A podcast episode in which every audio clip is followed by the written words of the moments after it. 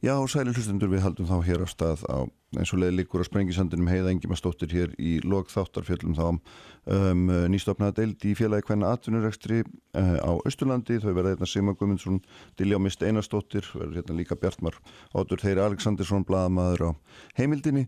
Uh, þá fjöllum við um úrgangsmál, endum vinslumál eins og hann hefur verið að skrifa svo vel um undafarin ár getur við sagt, en fyrsti gestur minn í dag er hins vegar Albert Jónsson, auðvitað líka tíðu gestur hér til þess að fjalla um alþjóðamál og örgismál, sætla blessaður Albert. Já, blessaður Kristján Hérna, við sátum hérna síðan saman í, í, í janúar.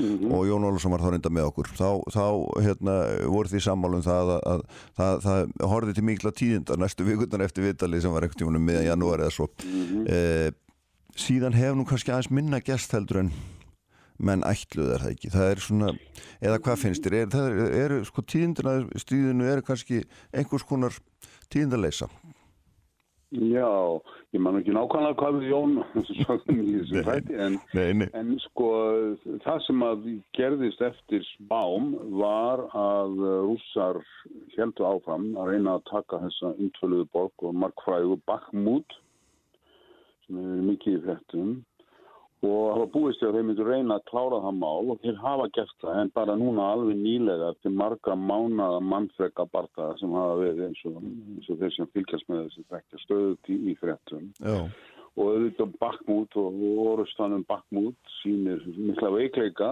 í úsneska hernum og sann rakför þeirra í Ukraínur en í nótsku og það var ekki bara það var ekki úsneski herin sem tók Bakhmut það var hérna Wagner. Já, já, málaliðarnir, já. Það var fangar og málaliðar og þetta er náttúrulega alveg ótrúlega saga. E, Hvaða var það Ukraínana þá þurftu þeir í fyrsta lagi að, að býða eftir meiri vopnum og betri var fengið það að luta til. Og svo voru þeir að býða eftir þurrum og hörðum jarðvegi Já. eftir veturinn og, og, og voru þeir að þýna þannig allt og, og uh, þetta er náttúrulega ólík sko, Úkrandi þurfa að sækja en rúsarnir, rúsarna snýrist þetta að taka borg, þannig að þeir voru ekki eins háðir þurrum og hörðum jarðvegi eins og Úkrandi ekki að býða til því. Þannig að Bakhmut, sem að rúsarnir hafa klárað Bakhmut en það breytir mjög litlu í heildamyndinni og núna er beðið eftir því að þessi umtalaða sókn Úkræna hefjist og uh, þeir hafa meira vopnum en þeir hafði í, vetur og á búnaði. Og um, menn hafa vissar væntingar um að þeir náðu áranga en þar til það skýris hvers Úkrænur er, er megnugur í sókn þá er afskaplega margt í þessu spekulatíft á þessu stíði. Ein, einn möguleiki, skulum ekki að ég var að tala á hann um erfiðleika rúsneska hest, einn möguleiki sá og á hann er bænt að og ekki útilokka að rúsneska hersveiti í Úkræni reynilega leysist upp bara brotni undan þessari sók þegar hún hefst og af hverju mm -hmm. jú vegna þess að það, það, það, það segir okkur allt að mórallinn í rúsneska hernum í Úkræni er mjög leilugur þetta eru nýgræðingar, þetta er menn sem er að fengja litla þjálfun. Allt besta fólkið er, er farið, fallið eða sært. Og uh, það er ekki mikið tröst á fóristu hersins greinilega. Og ástæða til að hafa lítið tröst fyrir, fyrir herrmennina meina að hafa lítið tröst á, mm -hmm. á mhm. fóristunni og svo er nú græðinar að verða fært að slaka þeir eru konin alveg aftur til 1950 sko í, í sovjíska vopnabúri þannig að að sko þetta er alvarlega vandi fyrir hvaða hér sem væri, lélegu móral, lítið tröst á horustunni og, og, og eldri og eldri búnaður, þannig að þetta er ekki útilokað, en á móti kemur að, að þetta verður og úrsættin hafa núni í marga mánuði grafið sér niður eins og ég orða með jarðspengjubelti það, það, það er þumma fingur rekna að það er fjá á móti einum til að velta svona úr þessu Já og það hafa náttúrulega, yfir, yfir slíkum mannabla hafa náttúrulega úkræðinu menn ekki að nei, ekki að ráða. Nei, og þá er möguleikin þessi sko að reyna að finna einhverja staði þar sem getur koncentrerað, skilur þau mm. liðinu þínu og voknum þínu og reynda að brjótast í gegnum til tökum stöðum. Og eins sem úkræðinu hafa, þeir vita þeir ætla að reyna þetta, en rússarnir vita það ekki ennþá, sko. Já. Þannig að veist, þetta, þetta er bara svona, það er bara beðið eftir þessu að þetta, þetta skýðis. Já, já þetta, þetta er þessi, þessi uh, annálega vor ára sem hafa búið að tala um náttúrulega í marga mánuði og með svona... Já, akkurat sko, og er beðið eftir og, og framhaldið mun að þetta ráðast því hversu, eins og ég sagði, hversu, hvað, hvað, hvað kemur í ljóðsvarandi, hversu, kannski herin er, er mefnur sko. Eitt af því sem hjálpar Úkrænum mjög mikið mm. og stundu verið út undan, það er að þeir fá mikið af upplýsingum frá bandaríkjum. Já. Og þá er ég ekki að tala um upplýsingar, frettir sko, þegar ég er að tala um myndir úr gerfi tunglum, úr flugum, rafmyndabúnaði, þetta hefur hjálpað Ukraínum mjög mikið. Já, eh, sko... Nákvæmlega stöðun á vývellinu, skiljum við. Já, já. Já, þannig að... Og Ameríkana hafa mjög mikla geta þessu feikilega. Já, þannig að, að þannig að svona uh, þér finnst svona að því sem að þú hefur kynntir greinlega að það sé, það sé alls ekkert útilokað að verða af einhverju svona verði af einhverjum hérna, alvarlegum átökum svona þá núna fljótlega. Já, það, er, það eru væntingarna og líka væntingar um að Úkrænarnir Úkrænir hefur nái árangri og, og þá er það sem er kannski helst að vonast eftir fyrir þeirra hand er að þeir fá einhvers konar samningsstöð Skulum segja í lóksumars eða með höst þetta er svo spekulatíft jú, jú, hvað, sko. hvað, er getans Jú, jú, en svo, er, svo sér maður allvið ekkurar rættir og heyrir það sem að vera talað um að þetta sé að þróast yfir í eitthvað svona það er stundum kallað hérna kórianst ástand þar að segja það er, það er ekki líst yfir friði er ekki líst og vopnarlega er ekki samið en það gerir samt ekki neitt heldur eru bara Já, já, já, einmitt, það er oft bent á kóriu þar þeir vopnarlega sér 1953 Já, akkurat. Og það, það byggist á, á örgistryggingum frá bandaríkjum bandaríkin er með, með mann 40-50 þúsund manns í söðu kóriu sko og jáfnframt er hún bent á það Úkrænum mannu til hugunar og ég er að tala um svona sérfrænga sem er að bila svo fyrir mynda. Að Suðu Kóri hefur gengið mjög vel. Suðu Kóri er saga mikillar velgengni en, en, en jú, jú, það er það, sko um hvað á að semja spyrja margi Rúsarnir hafa lagt ráð enni við millir 15-20% um úkrænsku landsfjörðu þar með krím. Alltaf þeir að gefa það eftir það finnst mann nú frekar ólíklega munum Úkrænandi líta svo að þeir hafa eitthvað samning með, með rúsneska herin með 15-20% Úkrænu það var ólíklegt skilur. Ég meina mm. er einhvað um að semja og þá segja mér okkar það er eina leiðin út af þessu er að klára þetta með, með vopnarhegi og síðan láta Úkrænana hafa þann búnað, þau vopn og annað sem að dögi til að halda aftur á rúsum þegar búið er að lappa upp á rúsneska hefn og, og, og smíða vopn og skutreika og skilur þau. Þetta er svona mjög algeng, uh, algenga, þetta er algengar vangaveltur. Já, já, sko hérna, ef maður, ef maður leggur þessar algengu vangaveltur saman við, við svona eitt og annað sem er að gerast á pólitíska sviðinu, einhverjum sérlega í Európu, ég meina, það var alltaf þessi Európaráðsfundur hér um daginn, mm það var, það er annar eh, öðrum leittóafundi nýlokið, sami hópur einlega undir merkjum hérna EPC, European Political Community sem er nú svona eitthvað skonar samtök sem að held að Macron hafi nú oft hugmyndu að Emmanuel Macron, ég menna hann hefur verið á miklu flugi, hann er yflýsingaglaður vil stækka sambandi hratt með Úgrænu, kalla eftir hraðbröð fyrir það inn í NATO. Við sjáum líka þjóðverður að snarauka vopnasendingar, brettar hafa lofað miklu bandaríkjaman og síðan eru hollendingar sem hafa fórustu um, hérna, um það að F-16 vélarverði sendir í miklu mæli eða úrhrænum en fái það er í miklu mæli. En manna, ef maður leggur þetta allt saman þessu, og síðan þessa lýsingu á rúsneska hernu sem þú vart að nefna manna, þá gæti maður kannski álita sem svo að það gætu eh, orðið einhver svona einhver breyting í sumar í svona haust. Finnst þið það vera, vera hérna einhver Þú, þú nefnir margat í sögur já, á, á, sko það gerist ekkert nema það sem bandaríkinn ákveða. Bandaríkinn eru algjörlega leiðandi í þessu. Það væri ekkert stríð í Úkræninu án þeirra. Sko. Úkræninu hefur værið, það væri löngu, það væri löngu að gera málið án bandaríkinn. Bandaríkinn er 90% af því sem Úkræninu hafa fengið. Eru auðvitað politísku strategísk. Þannig að Þetta snýst allt um það, hvar, og það er náttúrulega mikið hótt í bandaríska stjórnmála í þessu, flesturinn á því að það sé meira hluti, tryggum meira hluti fyrir því í bandaríkjunum, bandaríkja þingi og, og viðar í, í þeirra stjórnmála kerfi fyrir ákvæmandundu stuðningi í Ukraínu, en bara enn og aftur, Macron, sko, hann, hann er bara ekki stort nummer í þessu, það er svona hvað hann segir, sko. þannig að er, þetta er bara svona og uh, minna, eitt af því sem úgrænir, nú er ég bara að og það, þetta er spekulatív hvena muni bandækjum trýsta úgrænu það, það lítur að vera spurning sem einhvers sem við vakir í kollinu og einhvern hvena muni bandækjum sem við getum ekki stað í þessu árum saman. Neini. við höfum ímsum nöfnum að neppa í verðaldinni, Kína en og strax. Fyrir, þannig að þú veist, það er svo margt að, svo er því nefnum Kína, mjög interessant spurning, muni kínverðar á einhverjum punkti þrýst á rúsa?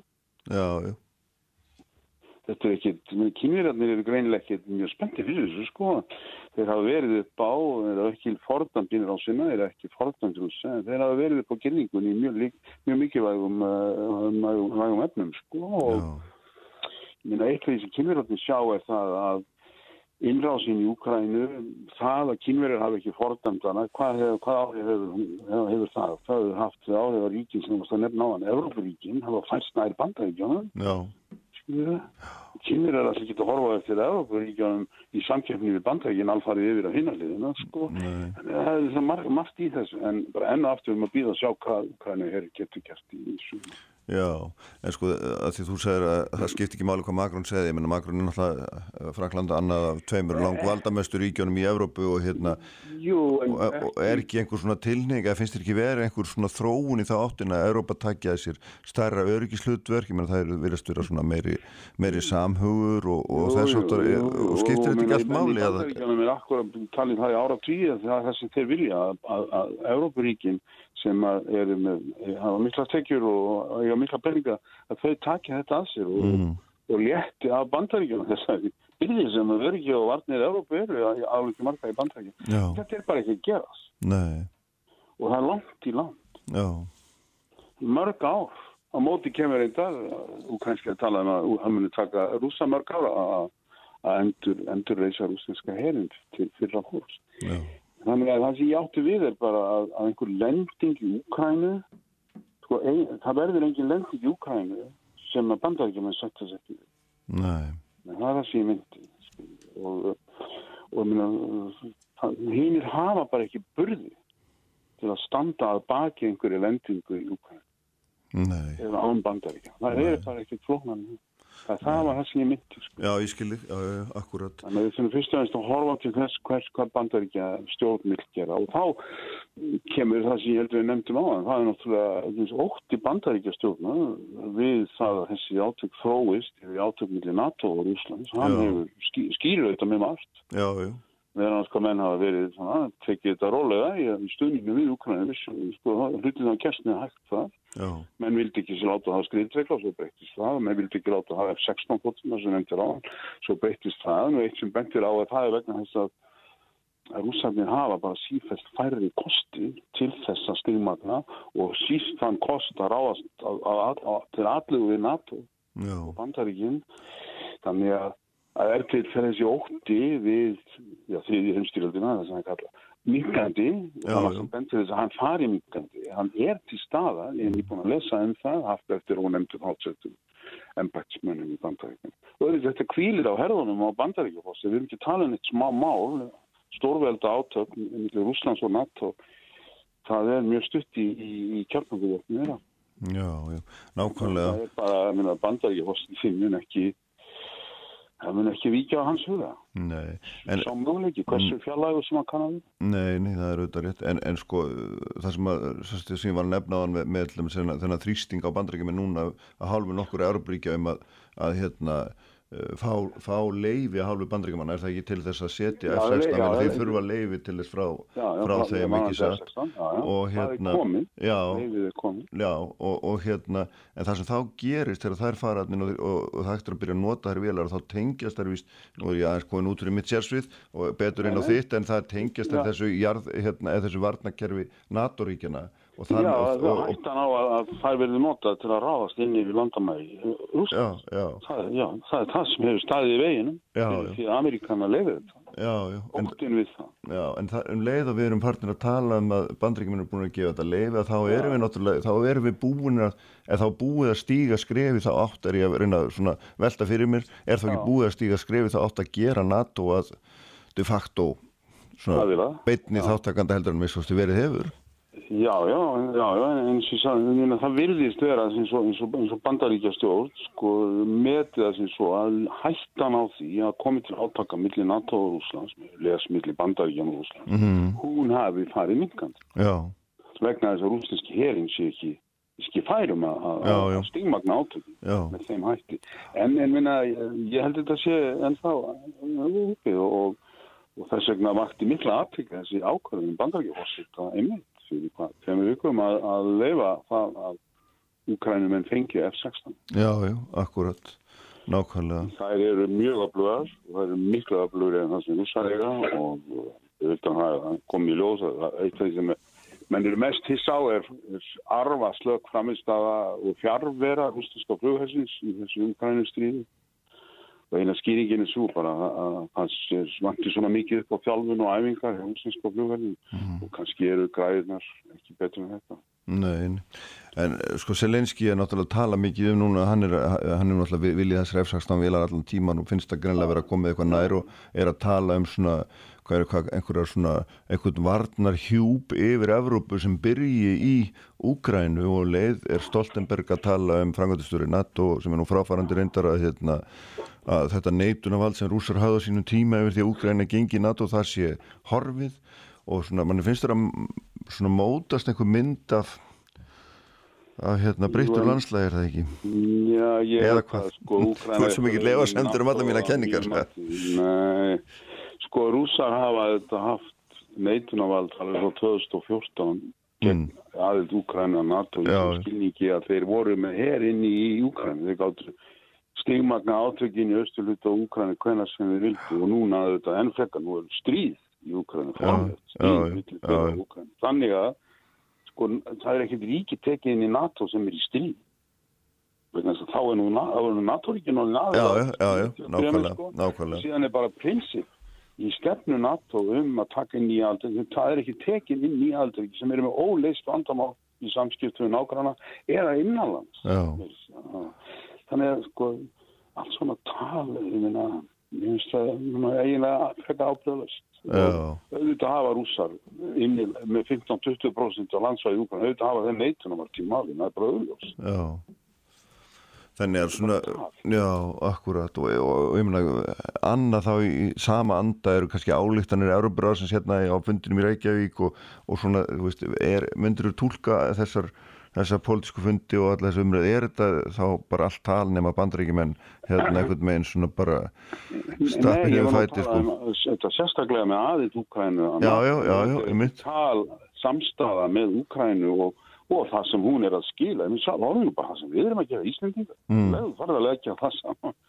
Fjárhæðina sem við höfum sett við erum núna sett, látum við að hafa sjúkrahús, það er færaleg sjúkrahús sem kostar meir en miljard Já, þeir eru að fá elsend, þeir eru að fá hérna, elsendisflutningabíla sem við borgum, mjög mikið vekt framlag. Það er verið að þjálfa menn núna Íslendinga á okkar kostnað í Breitlandi, varðandi bráða hérna lækningar eða sjúkraliða mm, fyrir særða hermenn.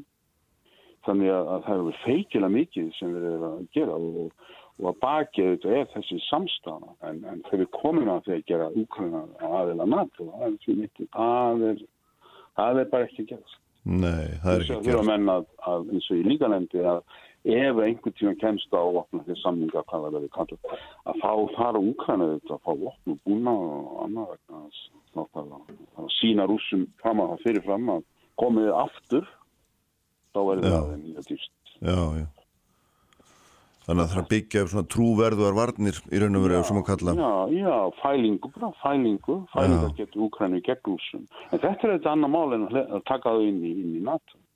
Já, akkurat Að-. Aðild að NATO felur í sig skuldbindingar sem að hinn er til að taka á sig sem að menn gera ekki auðvitað, skiljanlega. Nei, nei, akkurat Þannig að hérna bollaleikingar um slíkt og eins hérna, aðeld Úkrænu að Europasambandinu sem að hérna er svona þetta er náttúrulega kannski alltaf svona eins og nefnir þetta er svona já, þetta er til að pólitísk heimabrúk sem svo sagt er að- Að setja þá inn, á, inn í einhvern örgan farvegi áttina að Európusambandsæðild. Það er nú, það er öðruvísi skuldbindingar heldur en, heldur en þessar hernaðalegu sem felast í því að taka þá inn í, inn í NATO. En það er þetta með dýrt fyrir Európusambandsríkin að taka Ukraina inn og, já, og það tekur tíma og menn að horfa menn, það ekki alveg að horfa á Tyskland, aðeldar umsók Tyskland sem er hvað frítu eða færð. ég man ekki einu sinni konum skiljanlegt, sko. það er mjög erfitt að taka þessi ríki inn. Já. En það væri eftir að koma hugsanlega og stundu benn, koma Úkræna og einhverja svona beina og breyða braud inn í Európa-sambandi þar sem það væri alveg örugt að á einhverju stíi eftir einhver tiltekinn skref sem úkrænum enn getur hort fram á að við erum stígin að þá verður þeir komnið í nefnum sem það myndi skipta þá geipilega miklu máli. En og þar með væri nú rúsar endanlega búin að tapa þessi mála með blöyti Já, þeir eru náttúrulega búin að vera líka svona hverfa út úr eða minga þáttöku sína í á, flest, á, í svona flestum stopnunum alþjóðarsamstafsins þannig að þeir eru náttúrulega búin að einangra sig Já, já, rússandi, já, það er náttúrulega samskipti rússa og Vesturlandi eru orðin svo eitruð og það er, við horfum fram mörg, mörg, mörg ár þar sem það mun ekki breytast mm. nema einhver stórkoslega gerist í Rúslandi sem engin merki eru nefnst að sé í vönd.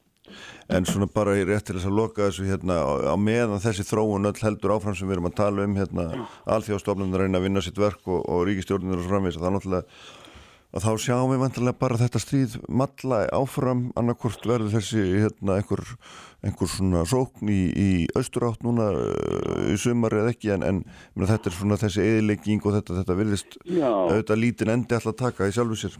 Já og þá skulum við líka muna sko, að matla matlar áfram og heldur áfram að sko tímin vinnur ekki endilega með umkvæðin þessu. Nei, nei.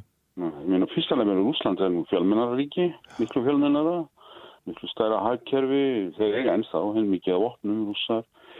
Og, um, ja, og svo náttúrulega margir halda að, að sko, það sem að rúsland stjórnum mæni núna á er bara einmitt þetta, bara haldi þetta út einhvern 1-2-3 ár. Í vonum þá er þetta að, að stuðningu vestursins fjárundan Já. Það er það sem margir telja að sé svona eina, hefur eina viðdrænar hann sé í kollinum á mönnum inn í krann núna, hann sé því hafa enga aðra kosti. En, en, en það má ekki gleyma því að tími vinnur eftir endilega með Ukraín Nei, nei. það er svo sem vinnur kannski bara ekki með neinum í ögnumlikinu, það er Já Þetta er til að fyrst og fremst hörmungar mál fyrir Úkræn og úkrænsku þjóðin. Já, já. Það er sjálfsögðum. Það má ekki með gleyma því sko, stundum gleymis að, að, að rúsandin fóru óþægilega nála til að komast í, í vestur að Ódessu í, í, í byrjun sko. Já, já. Þá er Úkræna landlugt land. Já, já. Þannig að eitt markmið rúsa er auðvitað bara að, að Úkræna sé svona eh, ekki fullalda ríki og funkar ekki og svo framvegs og, og þeir hafa ímsa möguleika til að ná þeim í markmið eða það er markmið. Já, já. Nákvæmlega. Hérna, þetta var hérna fróliðu eh, ferðavenju Albert og þarna við sjáum hverju framvindur á næstu, næstu vikum og mánuðum. Bestu þakki fyrir að vera með mér í dag. Sjömmulegis Kristján Takk, takk, og við höldum hérna áfram eftir augnablík, það verður Bjartmar Oddur Þeir Alessandarsson hjá mér, hann er bladamæður á heimildinni. Við ætlum þá að fjalla um, um úrgangsmálum, endurvinnslu, við ætlum að fjalla um uh, mjölkufernur, djúsfernur hvað orðið hefur á þeim. Og hann hefur verið að rannsaka þessi mál og hérna komist að því að það er nú ekki farið þá leið sem að líst hefur verið yfir ofinbelja Sæli átturlustendur uh, Albert Jónsson farin frá mér eftir umræðu um stöðuna í Úgrænu og svona eitt og annað á pólitíska sviðinu sem því tengi sem að, að hérna, horfinu svona til ákveðina áherslu breytinga í þessu eh, þessar innrás rúsa inn í Ukrænu og svona samstöðu Európa-ríkja og bandrækjana enda líka í, í, í hérna bartunni gegn henni.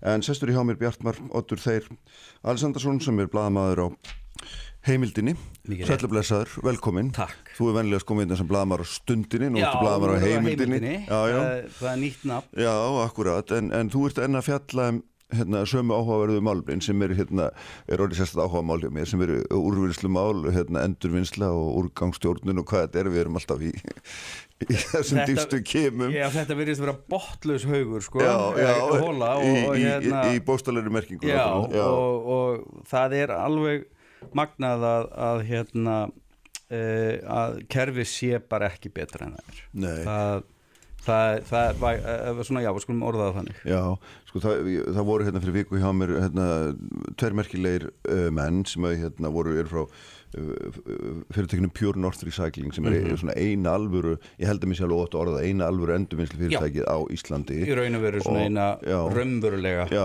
á akkurat, Íslandi. já, og þeir voru einmitt að fara auk þess að svona þess að segja frá því sem þeir eru að hugsa sem er mjög skemmtilegt þá hérna voru þeir líka að tala um um það hvernig við höfum gröita saman þessum hugtökum um endurvinnslu og, og hérna, endurnýtingu og flokkun og hvað þetta heitir allt saman Já, og, mér, mér finnst einmitt, svo, kannski einmitt að nýta það tækifæri sem við höfum þá hér er mm. að endurvinnsla og endurnýting er bara ekki það saman. Nei. Ef að minnst mjög flott að sjá vörur út í búð sem merkja sig með svona grænum umhverfismerkingum og segja svo að, að umbúðinar utanum þessu vöru eru að fullu endurnýtanlegar. Já. Og svo er merkingin græn og ég hafði eitthvað trélauðblad og svona en, en það sem flestir horfa á að segja, heyrðu já, þetta hlýtur nú að vera umhverfisvænt. Það sem í raun og veru þessi aðalega að segja sem er að selja þessu umbúður og setja þetta lauf á þessa merkingur að segja, mm. já þarf að brenna þetta. Þa, það, það er raun og veru endur nýting endur nýting er, er í langflæsum tilfellum engungur notað utanum vöru sem er hægt að brenna til orgu vinslu mm -hmm. og, og endur vinsla því er bara allt annað, þar erum við komið inn í ringrásahækjur þar sem að þú tekur vöru býr til sama ráefnin nánast aftur og framlega svo vöruna aftur úr því ráefnin sem já, það var já, já. þannig að það, það, er, það er þett, þessi hugtaka munur eh, sem fólk oft bara miskilur. Já, einmitt og þetta er náttúrulega það sem þú ert að fást við í þessari nýjustu úttektinni í þessu málflokki þar sem þú ert að fjalla um svo hverstasleitt fyrirbriði sem mjölkurförnur, djúsförnur og allt þess að það er og eftir einu að vera leiða í ljós og það er hugmyndi sem við höfum haft um að þær eru endur unnar og endur nýttar Já. er auðvitað bara hreinasta Bull það er bara, já, en já. það eru ekki endurunnar og, og uh, það er líka sko hvernig kerfið er sett upp mm -hmm. Það byrjum bara að byrjunu, það er ekki endurunnar því er auðvitað haldið fram að svo sé er það ekki, þannig að það er strax orðin svona, er, hérna, munur á milli orð og gjörða. Akkurat og jafnvel í vittlusu löndum sko, mm -hmm. því haldið fram að sé núna verið að endurvinna það í Svíþjóð, það er í raunu verið verið að að senda þetta til Hollands í dag uh, og allan pappir raunum veru frá Íslandi fyrir til Hollands í dag. Uh, það er verið að halda því fram að, að, að það sé eitthvað ferli sem geti tekið fernur og pappir og tekið pappirinn úr sem er í fernunum. Fernur eru um svona 75% pappir 25% plast og ál í mörgum tilfellum það sem okkur hefur sagt er það að það sé að, að í þessu endurvísluferðli með pappirnum að þeir ná að draga pappirinn úr ferðnunum og endur vinna þar að leiðandi langstæðstan hluta af ferðnunni það er bara allramt uh, Þessar, þessi fyrirtæki sem að fá afhendan pappirinn hjá okkur í dag hafa ekki burðina til þess. Og það eru í öllum tilfellum nánast er það þannig og til dæmis í Þýskalandi er það að þetta þarf alltaf að fara í sér verksmið mm. sem sér hafið sig í endurvinnslu á fernum. Þannig að þú þart e, mun meiri orku, mun meiri hita lengri tíma og meira af efnum til þess að leysa upp pappirinn í fernum. Svo megum við deilum hvort hversu mikið nær úr, nær miklu pappir úr fernunum, hvað verður um plastu og hvað verður um áli, það er bara mismunandi, já, mismunandi og, þær, og þessar, uh, þessi fyrirtæki eru mörg, en punkturinn í raun og veru sá að það er verið að blekja okkur við það að landa okkur skóla eitthvað uh, gamlan miklaðan rjóma sem maður fann mm -hmm. innstinn í ískapna sem maður glimti mm -hmm. og, og, og maður gerir það saminskóðsamlega og setur það í pappirinn það líka sem gerist í þessu ferli er það að þetta mengar í raun og veru pappíströmmin samkvæmt öllum alþjóðu reglum og er það þannig að, að, að fernum flokkar sem mengun í pappíströmmi og þegar þetta fer í ferlið og þetta ímyndaður svona stórt vassbað bara mm -hmm. og þetta er eh, sett allt saman fernur og pappír og þetta er hræst í þessu að þá ná fernun aldrei að leysast upp þannig að það verða bara eitthvað svona mög og þegar það þarf að taka þetta mög úr pappinu þá stelur stela ferðlunar smá pappir með sér mm -hmm. þannig að það eru verið sko eidilegja fyrir ferðlun að, að einhverjum hluta þannig að, að hvernig við erum að flokka er bara ekki rétt að leiðin Nei, það er náttúrulega kom náttúrulega mjög skýrt hérna fram hjá þessum ákveðum mannum sem ég var að nefna hérna Pjór Nortur í segling að aðalatrið er hreinleiki hráefnis strömsins Akkúrat. og þeir voru að leggja miklu áherslu á að við þyrftum að flokka miklu nákvæmar og miklu betur og það er það sem þú ert að lýsa er náttúrulega andstæða þess Akkúrat. í þessu tilviki ekki satt Akkurat, þetta er engungum gert til þess að spara fjármunni e, það, Þannig að, að það að setja per, pernur, fernur með pappír gerir að verkum að pappírin sjálfur skemmist það verða úr honum minni verðmætin ella og, og, hérna, og fernunar ættu þá bara að vera einhvern meginn sér ekki satt í einhverjum konar annar öðrum ströymi sem að ég veit ekkert hvort þetta nýtið eða hvað en. A- algjörlega og það er hægt að nýta hann e, á, á ákveðin máta. Fernur eru ekki alveg besta að, í raun og veru umbúðum til þess að endurvinna með þess að hún er svo úr svo mörgum efnum og hún er svo sérstaklega samsett. En það er, það er líka varandi með sko fjárrakstjónið, það er gífulegt hjá sveitafélugum vegna þess að með þessari söfnun sem hefur verið sett upp hefur verðgildi pappísins sem að sveitafélugun sapna og selja marg, og oft sagt, til útlanda til þess að- vera endur því þetta er verðmæti að þau fá larra verð fyrir pappirinn af því það eru fernur í honum. Já, já, já, þannig að Sorpa er búin að verða fyrir gífulegu fjárhagslegu tapi sem er í eigu sveitafélaga vegna þessara flokkunarkerfis. Þannig að flokkunarkerfið er ekki umhverfisvænt flokkunarkerfið er ekki fjárhagslega hagkvæmt og allir þeir innlendu framleiðendur og innflytjendur hér á landi sem að vilja vera með umhverfisvænur umbúðu sem er í langflestum tilfellum úr pappír af því hann er endurvinnalegur og, og, og, og, og umhverfisvæn í besta stígi eru búin að vera að niðurgreiða þetta ferli fyrir fernur. Vegna þess að það er mun dýrara að endurvinna fernur heldur um pappír.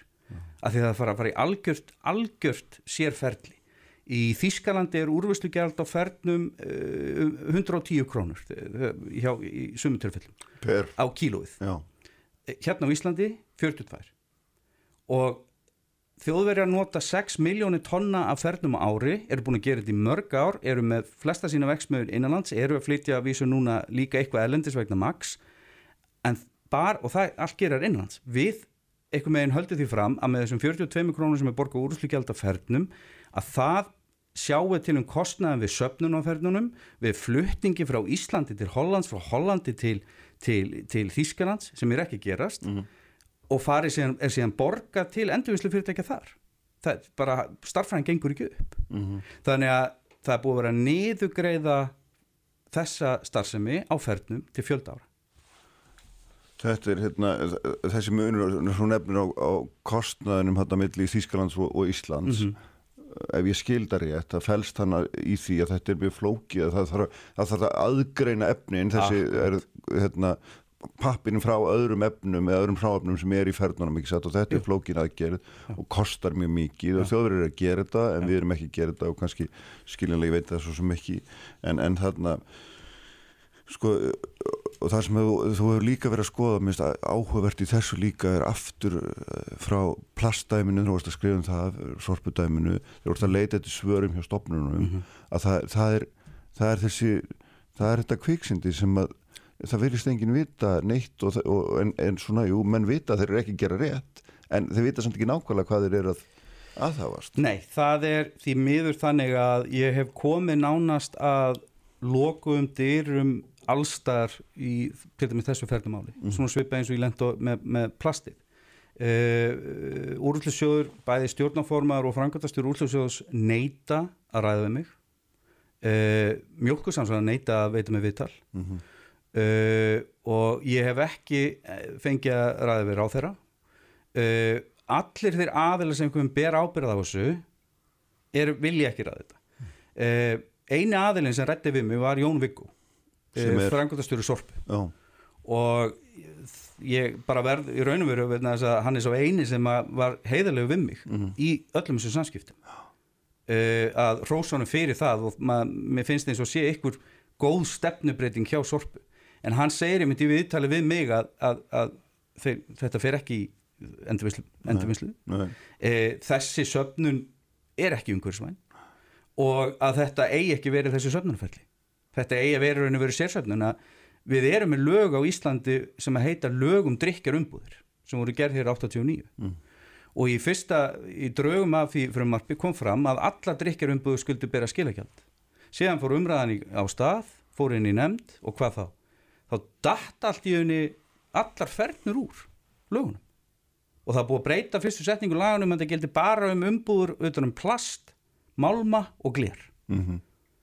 Uh, og það með þess að í umræðinu tala sérstaklega um mjölkufurur en uh, þetta er ótrúlega förðulegt að sjá að mjölk og mjölkudrykkir séu bara lagalega ekki flokkaða sem drikkjafara mm. og við sjáum það út á götu að, að vörur sem byrja skilagjald eru minn út á götu heldur um vörur sem að byrja ekki skilagjald en það eru verðmætti fólk tekur þetta upp, já, já. fer með þetta sjálft og skilar þessu og þetta ratar beint í endurvinslu við erum með best endurvinsluferli e, e, í gegnum skilagjald alltaf 90% söfnum sem bara þekkist ekki í öðrum flokkum. Dósir og, og flöskur þannig að það er einhver megin með lögum og reglum og ákverðun úrvöðslusjóðs sem er nótabenni setin stjórn úrvöðslusjóðu setin að meiruluta af, af yðnaðnum, það eru fjögur atkvæð af sjö eru í höndum uh, atvinnulífsins. Að þetta er bara, þá er þetta bara eitthvað með besta leiðin til þess að sjá um fernur, mm. sem nótabenni eru, það eru fleiri fernur í nótkun heldur en plastflöskur. Við nótum fleiri fernur heldur en mm. plastflöskur. Við erum með sérkerfi fyrir plastflöskunar mm en Ferdinand er einhver meginn ná að húka sér far með einhverjum öðrum flokki að því hann er með eitt legsta úrvæðslugjald sem við getum fundið. Og það sem síðan hérna auðvitað gerist eins og við vorum búin að nefna er að, er að vegna þessa flokkunarkerfi sem að, uh, í gangi er að þá, þá hérna, rýra þær verðmæti annar, en annar hráöfnar sem eru að því að manni vilist hérna, þeir sem að allavega eru konir langt í að búa til að endurvinna hráöfni, segja séu gríðarlega vermaði í að hérna, ná réttum tökum á. Við höfum verið að endurvinna pappir síðan á, á, á 19. öld. Þetta, þetta er ekki flóki ferli, við höfum búin að vera að bæta með, með árónum og öldónum og pappir er eitthvað sem er akkurat svo þægilegur í endurvinnslu. Það er, það er hægt að gera það oft og það er hægt að nota það. Og ef hann fer óvart í náttúruna sem gerist oft með umbúðir að þá veldur hann ekki þeim sama skafa og annað.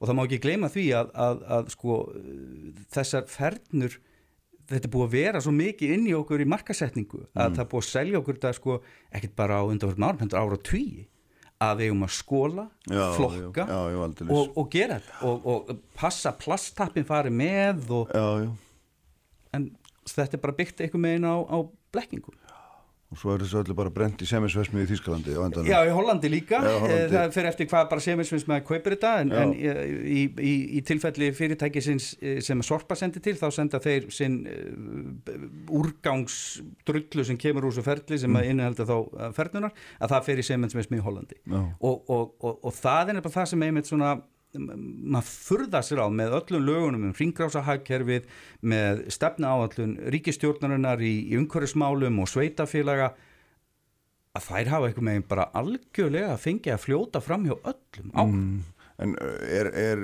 sagt, hérna, það er náttúrulega ekki, ekki hægt að halda því fram að það að nýtar, nýta ráfni til orkuframleyslu með þessum hætti séu þetta bara alveg út í hött. Auðvitað er það ekkert út í hött en þetta er bara ekkert besta leiðin Nei. sem er sem að getur alveg nota ramag sko, mm. sem ja, er þá ja. framleitt úr, úr, úr umhverfisvæðni orku sem, við, sem að Evrópa og, og, og við í Íslandi erum að, að einmitt alltaf að fara lengur og lengri í en, en sementverðsum er nota líka dekk sem er alls ekki umhverfisvæðan að brenna mm. þeir nota líka plast þetta snýst um að afurðin sem að er notið, hvort það sé áliði í fernunni eða hvort það sé plasti í fernunni mm. eða hvort það sé pappin í fernunni mm -hmm. að hún komi aftur í fingra svo við þurfum ekki að framlega meira á þessu vörn það er tilgangur endurvinnslu.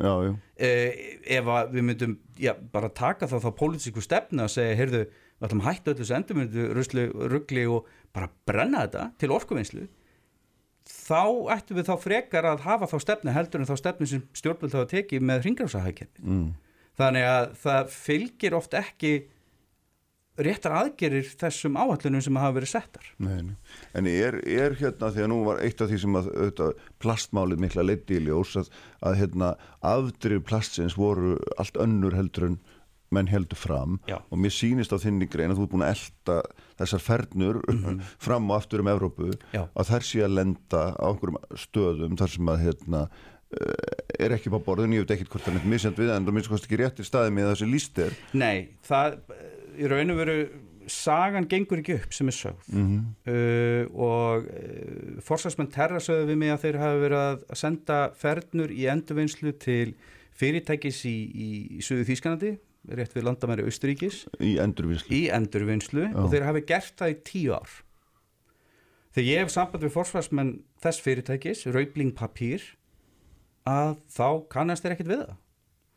Þeir segja mér þá að, að ég hef þá samband við úrlýsjó og spyrir út í það þá segja að það er millilegu sem tekur við þessu. Ég hef samband við það millilegu, hann kannast ekkert við það og sendi mér gögn þess efnis sem sína fram á það að þeir hafa aldrei tekið við neinum ferðum í gegnum þriðja milliliðin sem er í Hollandi. Mm svo er fjórði milliliðurinn í Þýskanandi að það er eitthvað meginn sagt við okkur að þetta kerfi sé að virka það er eitthvað meginn sagt við okkur að það sé eh, það er, það er ríkistofnun sem ber að hafa eftirlit með þessu sem notar skattfé sem við neytutum borgum þegar við kaupum vöruna til þess að greiða fyrir endurvinnslu á þessum ferðum þeir eiga náttúrulega að hafa eftirlit með því hvort þessar ferðnum sé að fara raun af því þau eru búin að borga fyrir það. Já, já, Það er síðan sett inn í endurvinnslu tölfræði Íslands og síðasta tölfræði sem hefur komið út er frá árunum 2002 og það voru við endurvinn 2000 og- og 20 fyrir ekki 2020 eh, og þá segir svo tölfræði að við sem að endurvinna 99,5% af öllum pappir það er tölfræði við erum að endurnýta betur í gegnum þetta pappískerfi heldur en gegnum skilagjaldikerfið og ég bara að vera að segja mér finnst það alveg magna hvað við stöndum okkur þá vel í endurvinnslu á pappír. Já. En, en fernunar eru í þeirri þeim tölum. Já, því það er fara í þann ströym Akkurat, og það eru aldrei endurunar Nei, Nefnir það er niðurstaðar rannsóknar er það ekki, það eru bara ekki endurunar og raun og veru viðkennir hérna fórstjóri sorpu fórstur og sorpi viðkynnu það fyrirtæki sem ég hef samband og sem takum út af vörunum segja bara við erum ekki með taktin í það. Nei. Mm. það er viðkynna allir á þeim enda. En einhver meginn þeir sem að bera ábyrða á ákvörunum þegar kemur að hvað er að gerast fyrir fernunar Mm.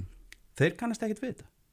Þeir sjá ekki að það sé eitthvað vandamál þannig að þetta er akkurat það sem er vandamáli er að, að það er eins og þeim sé bara sama og maður sér það svona í gegnum gögnin sem að maður hefur verið að skoða allt og mikið og maður er búin að gera heimilislífið alveg lélegt um það að vera að ræðum alltaf einhverjar svikulegu fernur. Já, eh, og mjög fyrirlega árátta en, en maður sér það í gegnum kerfi að það er bara augljóst að það á ekki að þurfa að borga raunkostna fyrir því. Og við samþyknum lög hér sem tóku gildi 1. janúar 2023 að framlegendur skulu bera fulla fjárháslega ábyrð á allri úrvinnslu á sínum umbúðum.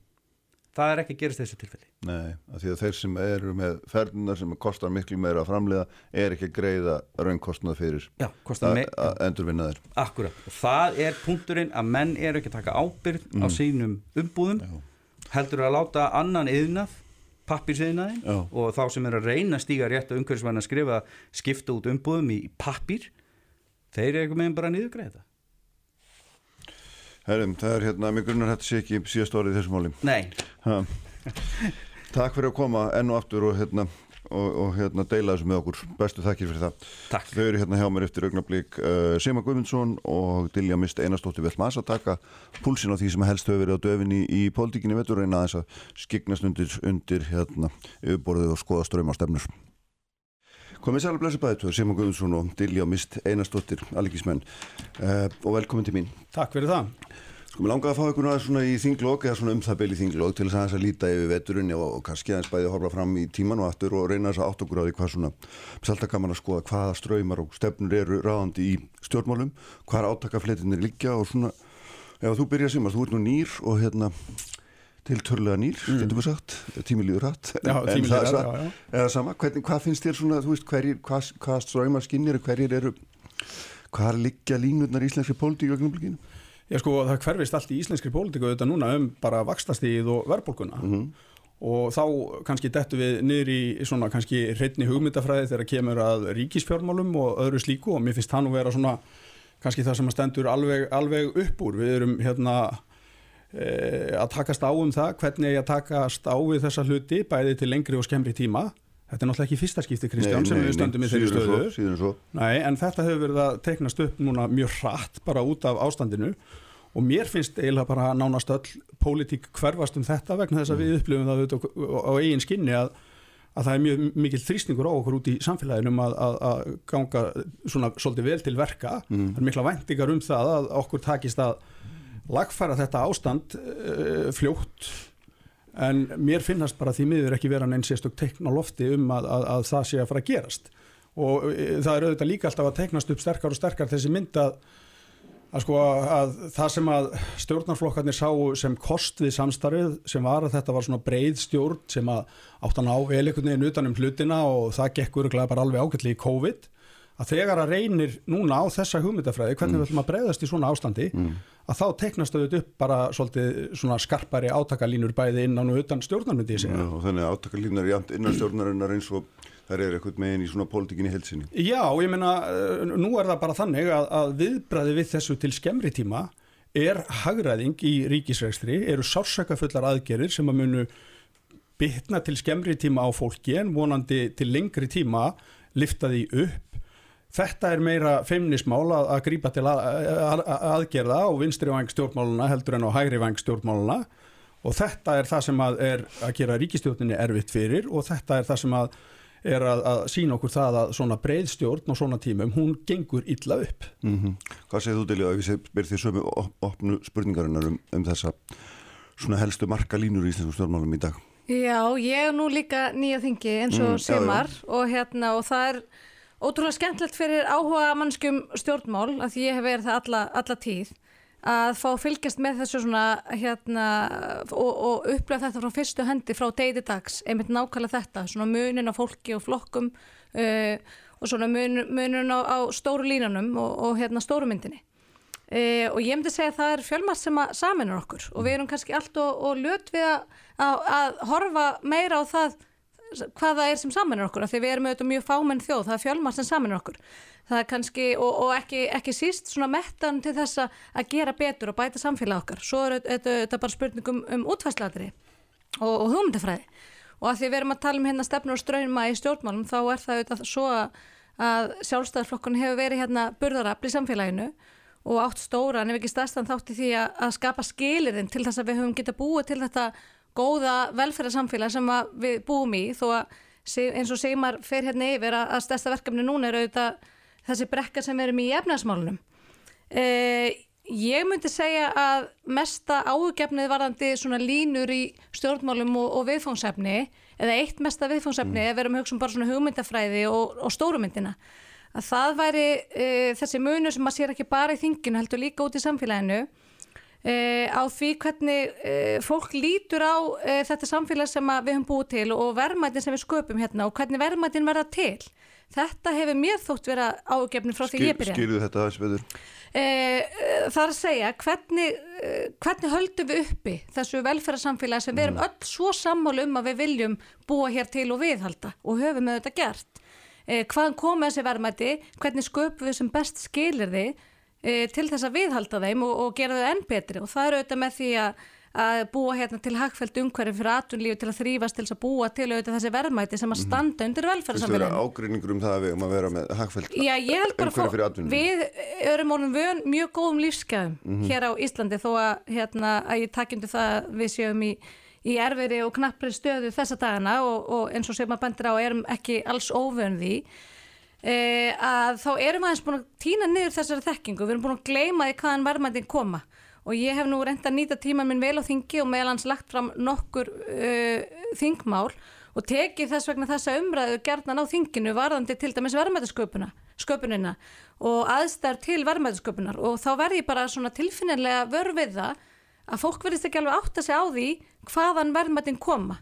Og ég get tekið sem dæmi að við vorum að takast á þinginum um frumvartmætti breytinga á lögum um ofnbæra starfsmenn, lögum um ríkistarfsmenn og, hérna, og þá var uppi svona fótur og fyrt á þinginu þegar ég fór að tala um það eh, hvar verðmætin í samfélaginu er mm -hmm. til. Þess að auðvitað því að við erum útflutningsfjóð við þurfum að skapa gældaristekjur til að standa undir eh, all, allir samneislun okkar.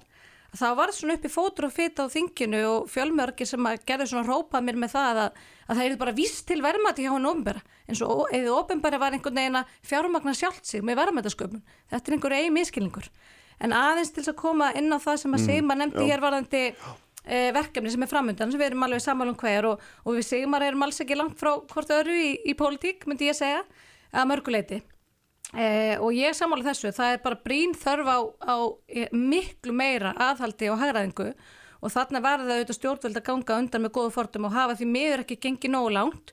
En, en ég bind nú vonum við, vonum við það hérna, þau bæti þar úr. En hins vegar þá eru eh, er gríðalegur þrýstingur um frekar útgöld úr öllum áttum bæði frá þingmannum og frá ráþurum og ég myndi segja ekki síður frá viðreysneldurum frá öðrum.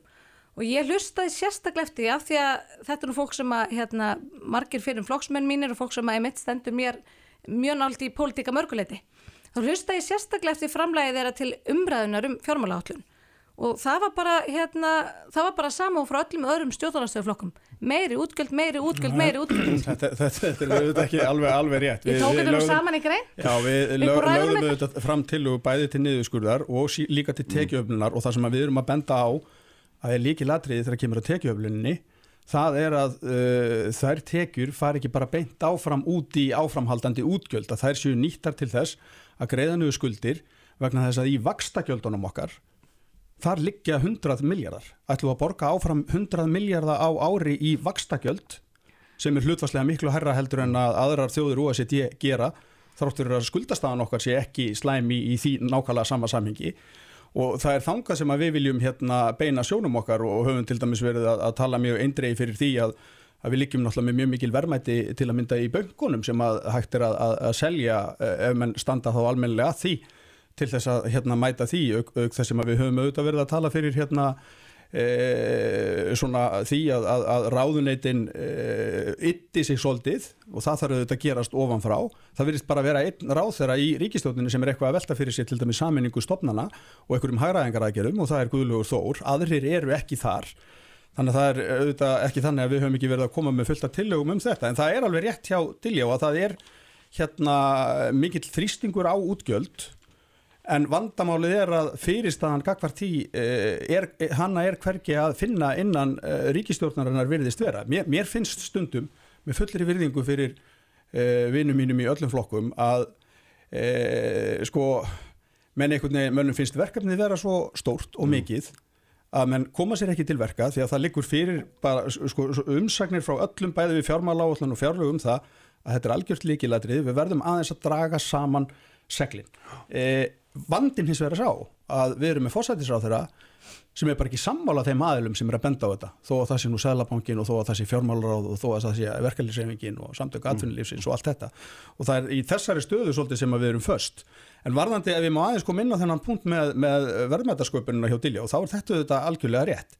Ef að það verði ekki til verðmæti út í atvinnulífinu þá getum við ekki staðið undir velferðinni. Þess vegna erum við alltaf að tala um það að skynsum efnahagstjórnun er það sem að býr til grunninn að uh, hérna, uh, velferðarkerfinu. Það sem hins vegar menn er að tala um þegar er verið að tala um að það verði ekki til vel, uh, hérna, verðmæti í ofinberu störfum og þá myndum við nú kannski líka nálgast að þannig auðvitað er að þannig að það verða til alls konar verðmæti þar, þau eru bara af öðrum toga. Já, Hver eru verðmæti sem líki í góðu heilbreyðiskerfi fyrir til dæmis bara. Já, mentakerfið og allt þetta, þetta er Já. þetta grunnurinn líka, þetta hangir, Já, já. hangir Já, já, saman. börnum mín er góðs verðmættasta sem ég Já, já. en, en þegar við erum að tala um Án góðs mentakerfis hérna til í að það verður náttúrulega ekki til neitt alvöru atvinnulíf er það getum við ekki verið nokkurn veginn sammála um það Jú, jú, það sem Já. ég segi, við erum, við erum auðvitað ekki að tala um huglega verðmæti sko, Nei. við erum að tala um hérna að áþreifanlegar um út- útflutningstekjur sko já, já, og hérna gerð að því að ég sko bæði lúslas þessar, þessar umræðu greinarnar frá ykkur, hlusta við þessu ykkur en svaraði því um leið af. Mhm. hverju sjálfstæðislokkurinn sem situr lón og dón í fjármálræðandinu gengur þvert gegn einn stefnu aftur og aftur og eigur ríkisútgjöld þvert á það sem er yfirlýst markmið ykkar Mhm. í hvert sinn, ekki satt Mm. Það er búin að gera frá uh, bara upphafi sko. endur tekna samþyktir á landsfundum hérna, tali þingmunum eins og þér og svo framvegis og svo framvegis skilur ég Ég, er alveg til að ræða það hérna í þaula, það er ekki nóg mikið hlusta á mig. En aðeins þess að bregðast við þessu sko ég hlustaði svo, vel- reyndi að hlusta svo vel eftir þessu. Mm. hvaða tillögur kom viðreist með til niðurskurðar? Engar, þetta voru bara svona almennt hérna blaður um emitt, nákvæmlega sem segmundur segmar fyrir geði er að bera hérna borð. Eh, varðandi það að það sé mikilvægt að fara niðurskur það má ekki hrópla við velferðarkerfinu auðvitað ekki, við erum sammála um það. Ekki löggjastlunni, ekki málaflokki mentabatnamálar á þeirra alls ekki rúf, segir maður, það mátti alls ekki við rúfum og alls ekki sker með það, er Þetta er ekki, þetta er bara ekki rétt ekki, ekki, ekki fresta fjárfestingaverkefnum þetta er bara orðið upp úr, hérna, umræðinu ykkar. Nei, nei. E, þannig ég bara spyr, hvar þú, þið verðið þá benda á Vi, við, við höfum verið að benda á til dæmis vittlisunar sem að var í því í Mhm. upphafi kjörtumabils og bentum, höfum bent á það allan tíman það að vera fjölga ráðunitum Mhm. með tilherrandi kostnaði hérna, til stopnan og annað. Við höfum verið að tala fyrir því að, að það sé hægt að auka hérna, aðhalskröfuna e, þó að það gangi ekki inn í velferðarkerfið. Við höfum verið að tak, tala fyrir e, tekjuöflun sem að gengur þá beint í að greiða niður skuldir sem þá losar um vakstakjöld sem að hérna, hægt er að nota inn í, inn í velferðina eða til frekari hérna, niðugreislu skulda. Þannig að það hefur ekkit vantað upp á það. Hins vegar er það þannig að þið, í ríkistjórnarflokkunum þið fellið alltaf allar tillögur sem að stjórnaranstæðin kemur með og gerir það ykkur prinsip ástæðum segir formaðurinn ykkar og ég verð nú að fá að benda það eh, Diljá að þið eruð búin að vera við stjórn ansi lengi e, og það sem er að gerast þrátt fyrir það að þið talið með öðrum hætti er einmitt nákvæmlega það að ríkisútgjöld eru að vaksa þið eruð ekki að uh, hérna, setja stað neina vinnu innan ríkisins til þess að reyna að finna út úr því hvernig hægt er að hagraða til lengri tíma og til skemmri tíma til þess að bregðast við þessu vakstastíu og verðbólgu og svo eru það alltaf að ráðast á hérna, tilugur stjórnaranstöðunar. Þið þurfum þetta fyrst að taka til í eigin gardi. Þetta er óskup einfalt. Það er prinsip hjá okkur að fella tilugur frá stjórnaranstöðunni sama hvort að þær eru nú til útgjald að auka eða til hérna, þess að, að draga saman seglin en svo gerist ekki hjá okkur sjálfum og uh, mér finnast átakalínunar þarna eins og ég var að segja Kristján vera að teknast upp, auðvitað ekki bara milli stjórnar og stjórnarnarstöðu vegna þess að alveg eins og ríkistjórnarflokkanir eru ólíkir þá eru stjórnarnarstöðuflokkanir náttúrulega mjög ólíkir líka. Ekki En munurinn, útgjaldatalinu munurinn, á, munurinn á þessum hlutverkum er þess að sá að ríkistjórnarflokkanir þeir velja sér hlutverkið þeir taka það í fangið og móta einhverja stefnu sem að þeir eru síðan í stöðu til þess að framfylgja.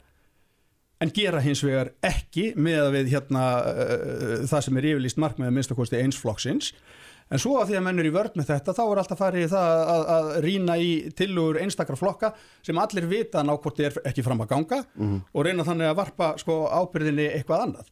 Þetta er einfallega sko og ég þreytist ekkert á að segja það, ég meina við erum með tvíþættan vanda hjá okkur, við erum með hennar vanda til skemmri tíma, við verðum að leysa hann. Ef við gerum það ekki, þá lengjum við í þessum spíral, ég meina hverjar eru spárnar hjá okkur núna með verðbólkunum vext, vextina, þær eru ekki þægilegar. Vextir er þetta að hækka meira verðbólgan vonum að þú sért ekki, ekki spámaður góður en Nei, ég það bara er bara alltaf það líkur á því að ég bara vísi það sem að aðrir eru að spá sem að hafa miklu meiri og dýpri þekkingu á þessu heldur en ég. En og síðan, síðan er það auðvitað þannig sem að við auðvitað verðum að fara inn í líka það er auðvitað kerfisvillan sem að er í gangi hérna hjá okkur. Við erum með tvær þjóðir í þessu landi önnur sem að nýtur þess að vera í stöður á umhverfi en, en, en hinn hlutin gerir það ekki. Og við ætlum náttúrulega aldrei virðist vera ef að markam á það sem að, að er verið að segja að hafa dug og þor til þess að taka einhverja umræðu um kerfisvandan vegna þess að það vita það allir sem eru hérna, komnir á miðjan aldur og, og, eldri að þetta gerist alltaf aftur og aftur. Vextir hækka hér alltaf meira heldur inn á nákvæmlega löndunum ætlum við aldrei að svara þeirri spurningu af hverju það er, hverju ætlum við aldrei að velta því fyrir okkur til lengri tíma hvernig við getum komið í veg fyrir það að almenningur taki alltaf þetta högg aftur og aftur? Vegna þess að þetta endar alltaf eins. Þetta end, endar alltaf á því að venjulegar fjölskyldur, millitekju fólk og uh, læri tekjunar þær bera byrðarnar af þessu rugli.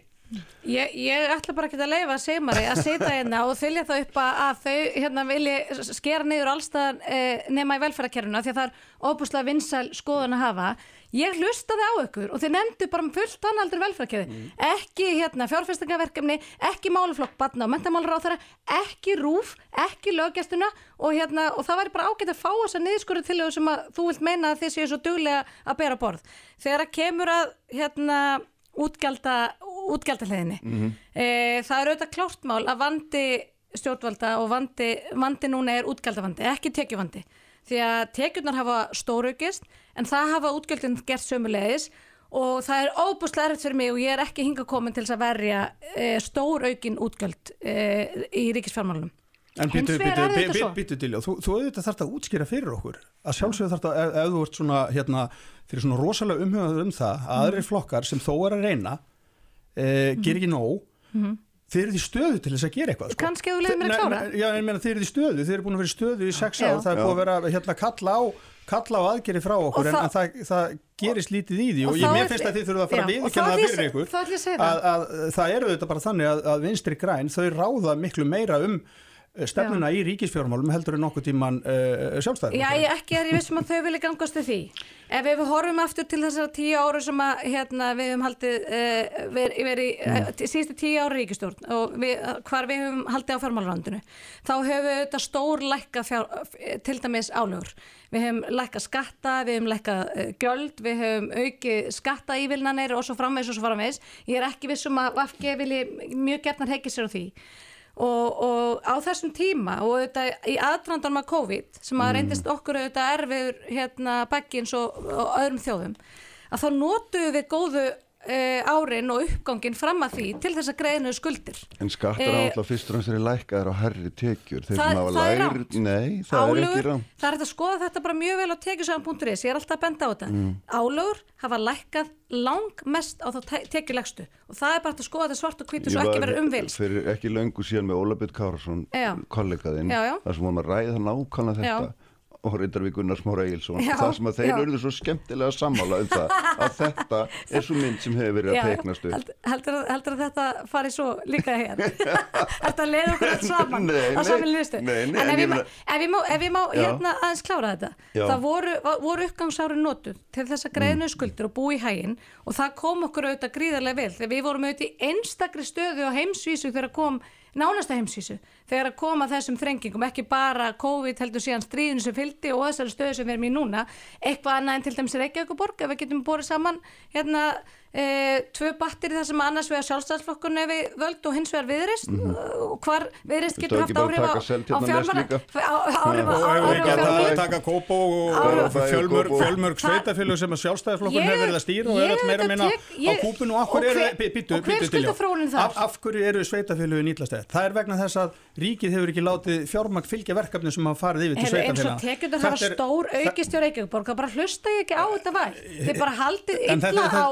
fjármálastjórnir Ég hvet- Reykjavík og eru að gera sveitafélagi gjaldróta og ættu þetta að gangast hvet- við ég- ábyrð á því. Já, já, ég hvet hlustendur til Í þess að fylgjast með því í staðan fyrir að vera að tala um það sem að ríkistjórnin á að vera að gera þá er alltaf farið í það að, að, að nefna eitthvað annað.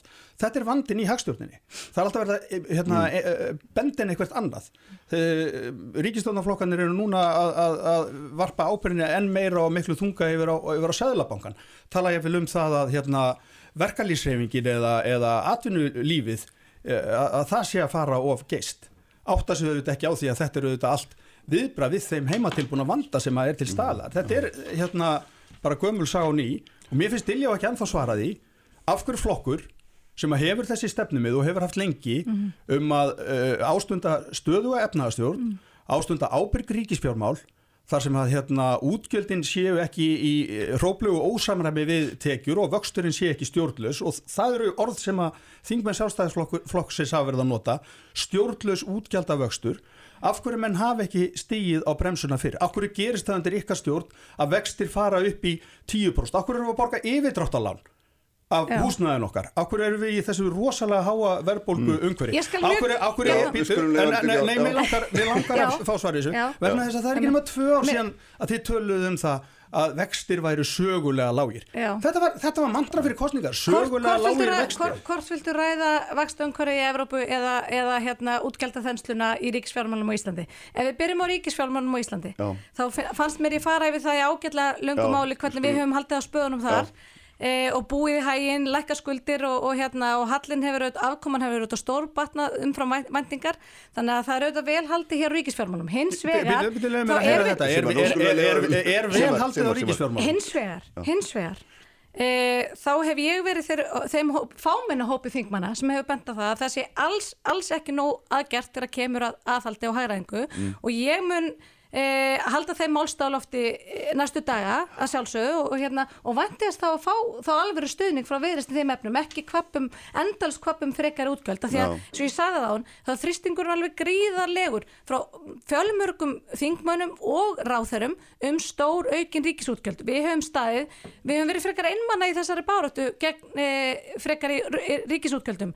Sigmar bendur eins og er á að, hérna, að ráþeira sem hefur gengið undan með mjög góð fordömi sem er Guðlegu Þór, sem að, hérna, hefur tilkynnt um stóraukna haraðingu og aðhaldi sínurráðandi meðlans e, sammenningu stofnuna úr tíu í, þrjár sem eru auðvitað mjög gott fordæmi að setja og ég vonast bara til þess að það smitist út í ríkistjórnaborðið. Það eru, það, það, það, eru, tveir stjórnmálflokkar sem hafa talað fyrir ykkur aðhaldi núna á síðustu mánuðum. eldsnöggur Það er miðflokkur og, og, og viðreist. Einstaka þingmenn í sjálfstæðiflokknum en bara ef að þessi þingmenn þekktu nú eitthvað sem geti tekið einhverjar ákvarðin bara það væri nú þannig að þeir gætu mögulega haft einhver áhrif á þá sem að hérna, eiga. halda á stjórnartaumunum og hérna eru þeirri stöðu að hrinda í stefni í framkvæmt ég meina, eh, við vitum alveg hvernig þetta virkar. Eh, ríkistjórnarflokkarnir þeir samþekki ekki neitt sem að kemur úr hinni áttinni og ef þeir Það hafa þetta bara ekki komið neina niðurskur og tilögur sko. Heyrðu, hérna, eh, sko, við erum búin að tala frá okkur hérna, allt vitum þetta og ég ætlaði með ykkur í fleiri mál eitt, hérna, eins og það er, og er. En mér langar samt í hérna, eh, sko, ekki sleppa ykkur alveg því, allavega mér og ég, ég legg það inn í þetta, hérna svona helstuströma þá erum við að tala um þessa fólklutninga innflytjandamálin, við sjáum, höfum séð þetta í vantröstulegun á dómsmálar á þeirra stöðum, deilum um kvótaflóta menn nei, ekki um kvótaflóta, menn heldur fjölda hælisleitinda, mm. Að okkar sé sprungi og þetta er í allri Evrópu, öllum heiminum er þetta eitt af Já, já. stóru, R- stóru málunum, eitt að risa málum samtíma svo framtíðarina líka. Mhm.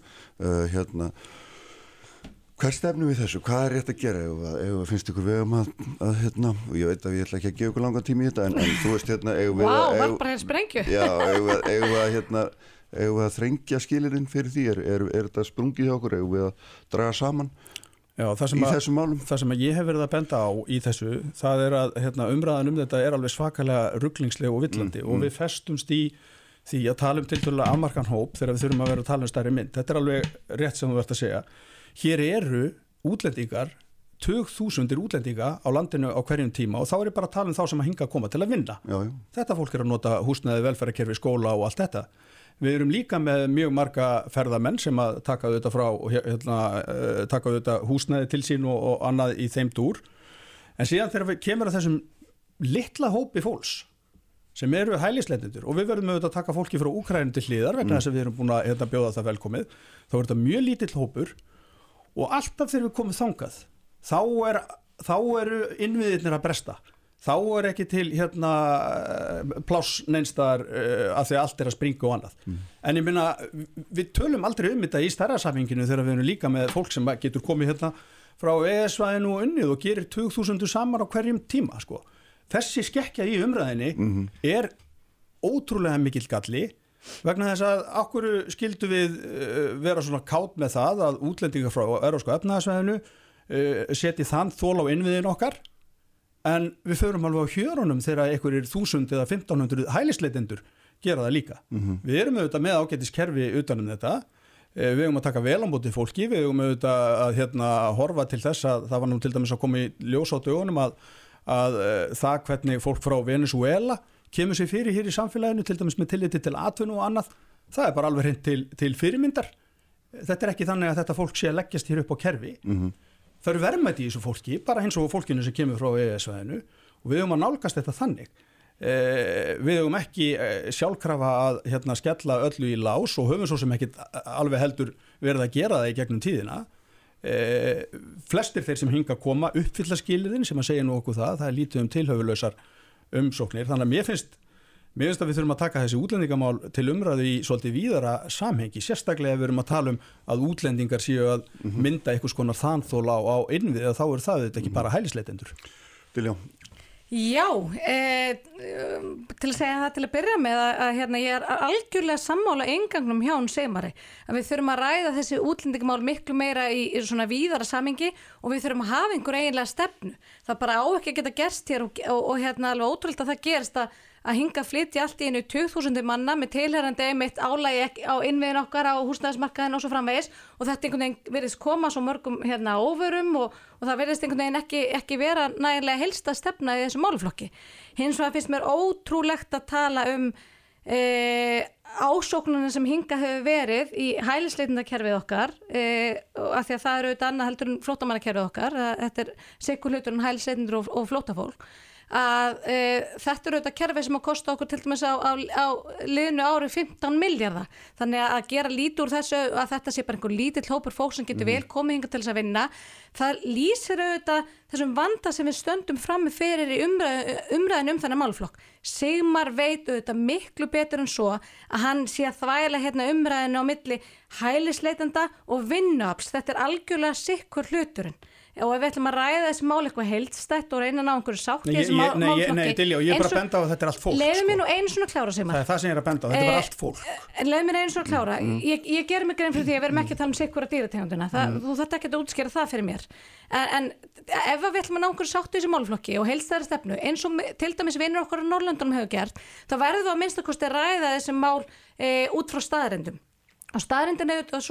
að okkur ber skilda til að taka móti fólki sem er að fljúa hérna raunverulega stríð og hörmungar e, og því fylgir mjög rík skilda. Mm -hmm. Það eru auðvitað allt annað sælis að taka hér á móti fólki sem er að flýja stríð og, og, og aðrar hörmungar heldur hann að opna hérna til dæmis vinnumarkaðin fyrir erlendu vinnumarkaði. Þetta er bara algjörlega sikkur hluturinn og ekki að þetta líka þessu saman.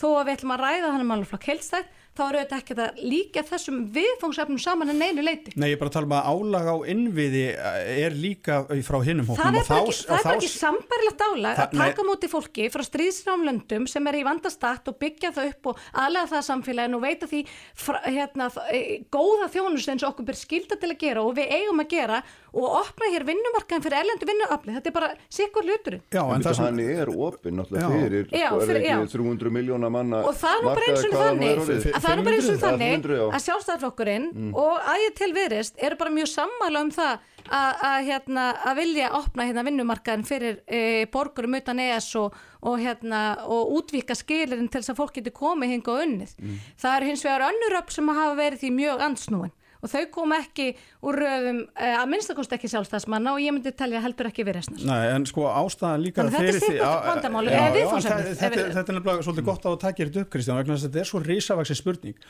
og tilnefingin hjá allri Evrópus og kannski er það bara tilnefing sem hefur alltaf átt sér stað á öllum tímum, það er að þegar að, að hérna, svona fólksflutningar verða Eh, núna út af hérna bara breytingum í umhverfinu og líka bara út af mm. stríði og öðru að þá eh, virðist verið eitthvað svona mannleg tilnefing að, að, að loka og skelli lás. Þessi vandi hins vegar er bara að fara að vaksa við getum ekki reist allar þessar girðingar sem við erum að, að gera og fyrir nú utan það að það segja það allar hérna skoðanir eh, og aðtúanir sérfróra þegar reyndar að rýna eitthvað áratíði fram í tíman okkur sárvandar fólk hér til lengri tíma.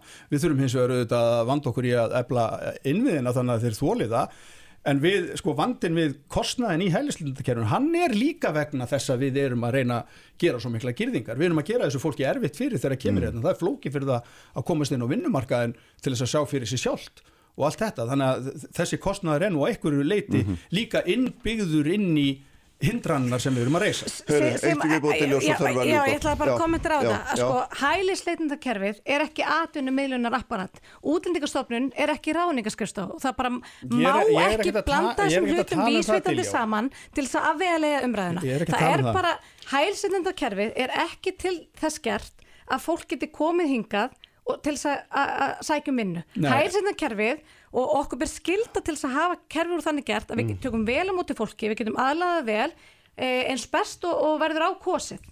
Og það er allt annarsæðilis og allt önnur umræði en um það að opna að hér vinnumarkaðin og, og hleypa inn vinnafli utan í ESF en, en við, við getum gert þessu fólki auðveldar að, að, að sjá fyrir sér á meðan það er hér að býða, við, við erum ekki að gera þessa hluti, hluti vel og við erum að hérna þennja út kostnæðin einmitt vegna þess að, að, að við okay. stöndum ekki neila vel að. Kostnæðin er alltaf mikill. Já, einmitt, herru, þá náðum við saman í fílóki. Bestu þakki fyrir að koma bæðið tvö heiða Ingimarsdóttir sem er frá félagi Kvenna í Atunvegstra Austurlandi. Nýstofnum ætlar að koma hérna eftir augnablik, en þakka ykkur báðið fyrir. Já, takk fyrir. Takk.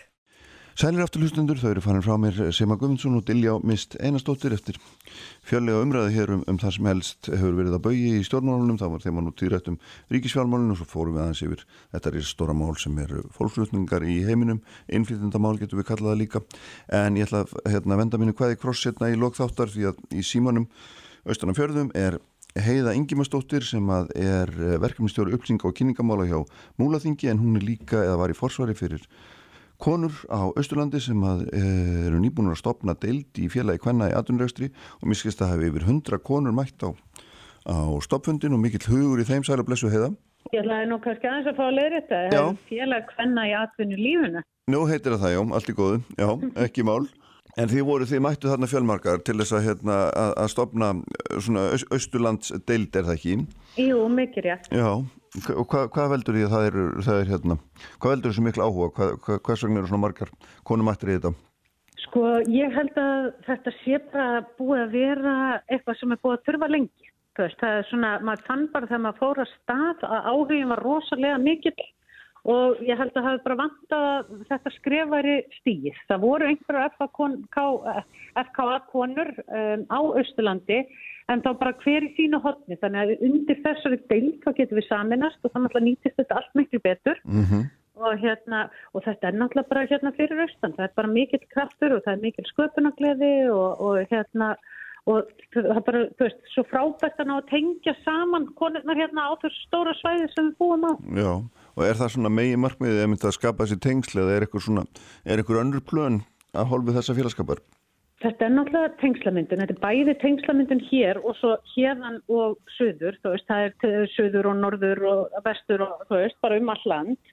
Um, en þetta er náttúrulega líka tækifæri af því að sko í FKA þá eru þú veist fyrirlestrar og námskeið og fleira þú veist þannig að þetta er líka bara fyrir konur að sko bara sjálfseflik fyrir þær sjálfar þú veist að geta sótt ykkur námskeið og ráðstefnir og fleira sem hendar þeim og með því að vera með þetta hérna, fyrir austan, vera með deilt hér fyrir austan þá getum við líka aðeins sniðið það sem að við uh, sækjum af þörfum svæðisins og konunum okkar hér. Já, akkurat. Og hverjar eru, eru þarfi svæðisins? Hvað, hvað er það sem að því svona eru það, sko, eru það að horfa á?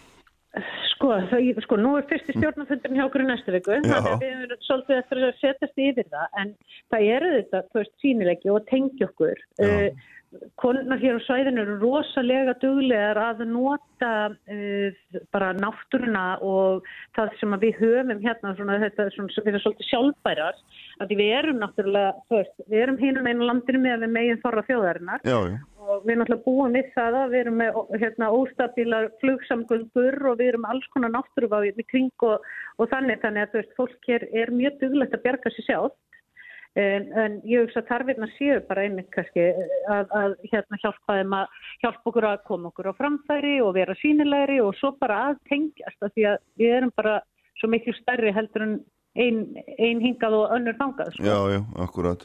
Heldin geti hérna heldin styrkir, styrkir einstaklingin eða sem að segja. Já, já og þetta er náttúrulega líka bara að koma okkar veist, málefnum á dagskrá, skilur geta, þú veist, að hafa aðeins með svona umræðin að segja veist, það heyrist náttúrulega betur í okkur þegar við erum margar saman. Já, ég, og, og svona ef maður, ef maður, segja svo út frá, út frá svona jafnbreytti sjónum er, mm. er þörfa því að styrkja og efla stöðu hvenna í atvinnuröxtri, atvinnulífi á Östurlandi sérstaklega?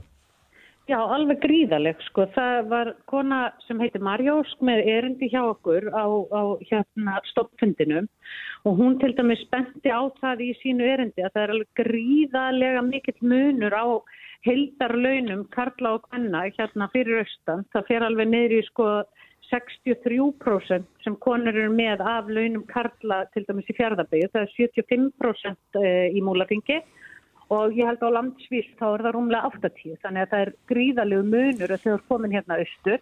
Það er því að láta á eftir það, sko það virðist vera. Já. og ég svona ég veit að mikið fyrirtækjum hérna veist hyggla sér fyrir að vera með jafnlaunavottanir og vera með sveipa kynlja hlutfall, hérna, hlutfall og, og þvíanlíkt og ég fór að þess að skoða þetta eftir að að hún talaði um þessar tölur því ég sagði hvað, býtu hvað er allar þessar konur? Já. þannig ég skoðaði sko einhver 14 fyrirtæki mikið af þeim voru sko fyrirmyndafyrirtæki og svo bara svona stór fyrirtæki hérna svæðinu.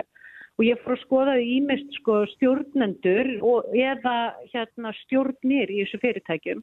Og ekki einu einasta voru sko fleiri konur og það var heldur ekki jafnkynja hlutfall. Það var þá alltaf einum fleiri karlmaður uh, eða, eða meira. Veist, þannig að hvar eru þá allar þessar konur?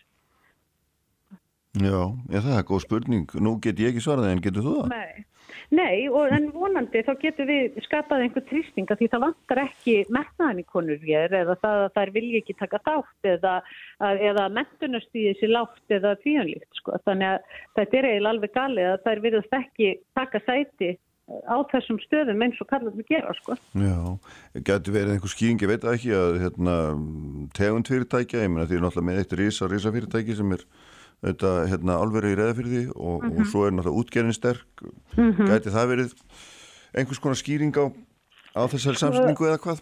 Það er náttúrulega, það er rétt að það, þau eru stór en, en maður skilur samt ekki af hverju það á að vera skýring samt sem áður, þú veist, af því að hérna, þú veist, af hverju getur ekki verið í stjórn í, í sjárótgera fyrirtæki þóttu sér kannmaður mm, eða, mm. eða, eða, eða í stóriðju, skilur það. Þannig að mann er bara svona, þetta allavega vekur upp alveg ymsa spurningar og, og, og ekki vantarf á eiginlega held ég á svona félagi þegar maður tekur eftir þessu sko. Ég skoðaði með svo stjórnsísluna líka sko Já. og þá sá ég sko, þú veist að í Múlafingi og, og í Fjörðarbygða þegar maður fer í sko sveitastjórnina, þar er þetta sko þar er þetta játt. Þar nær maður, ef maður tekur sveita stjórnana inn með þá er kynja hlutaflið akkurat játt. Já, já, já. Veist, og þetta er, þar er, þar er kosiðinn, þannig að það verðist nú vera, kannski er það bara vilja að hafa þetta jafnara, en það verðist bara ekki endur speiklast í, í hérna, þessum stjórnum og stjórnendahópum. Nei, þannig að hérna, stjórnsíslan, svona, uh, pólitíkin, hún er uh, búin að taka við sér að, að stórun hluta, en, en það er atvinnulífi sem að greinlega með þetta situr hressilega eftir. Já, það byrjir spera, sko. Þannig hérna, þetta þurfum við að láta skoða eitthvað, eitthvað betur og, hérna, og fara að ræða við mann og annan um, um þessa stöður ekki. Já, já, nú verðum við bara að halda áfram að hafa hátt og eins og ég segi, þegar við erum komnar í svona félagskap, þá verður það tölverst auðveldara að, mm. að bæði að skapa þrýsting og, og hafa þetta dagskráfald, sko. Já, nákvæmlega. En hvað svona, hérna... Nú er þetta, auðvitað, sko, þetta, þetta er dreyða byggðir uh, og í heilsinni á Ísturlandi ekki margmenn svona, mm -hmm. uh, hvað, hvernig, hvað áhrif hefur það á, hvað maður segja, hérna, ekki á sköpunar gleði og sköpunar þrá heldur miklu frekar svona möguleikana til þess að, að bú eitthvað til, finnst ykkur?